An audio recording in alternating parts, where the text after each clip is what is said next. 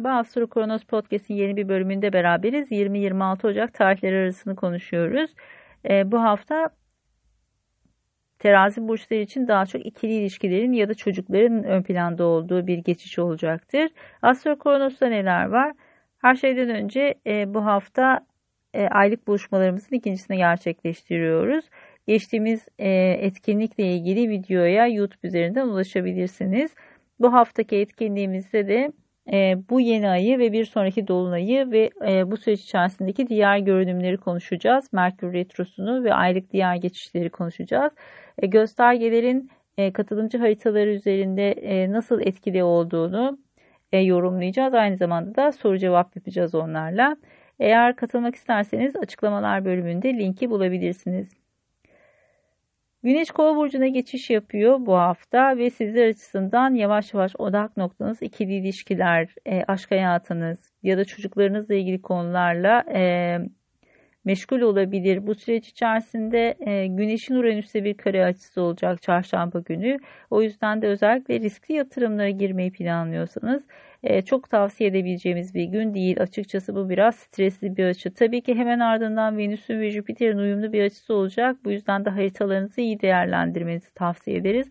Özellikle sabit burçların ilk derecelerinde göstergeleriniz varsa e, burada riskli yatırımlar yapmak e, tehlikeli olabilir. E, bu yüzden de harita bazlı incelemek bu açı açısından önemli. Elbette e, Venüs'ün Jüpiter'le uyumlu açısı size e, daha çok e, çalışma ile gelebilecek gelirleri ya da e, aileden gelebilecek destekleri gösteriyor. Burada bazı şans ve fırsatlarla karşılaşabilirsiniz. E, belki de iş nedeniyle taşınmalar gündeme gelebilir.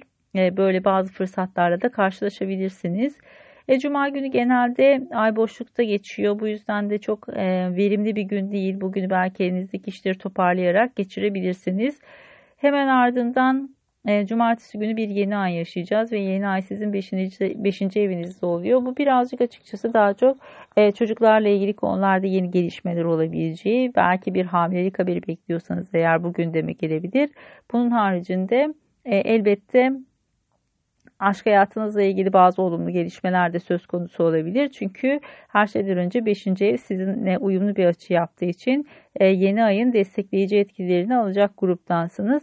Bu yüzden de e, genel itibariyle bu yeni ayın sizin için olumlu geçmesini bekleriz. Ama dediğimiz gibi sabit burçlar olan kova, aslan, akrep ve boğada 4 derecede göstergeleriniz varsa bir miktar stres yaratabilir. Bu yüzden de süreci iyi değerlendirmek lazım. Keyifli bir hafta olmasını dilerim sizler açısından. Görüşmek üzere, hoşçakalın.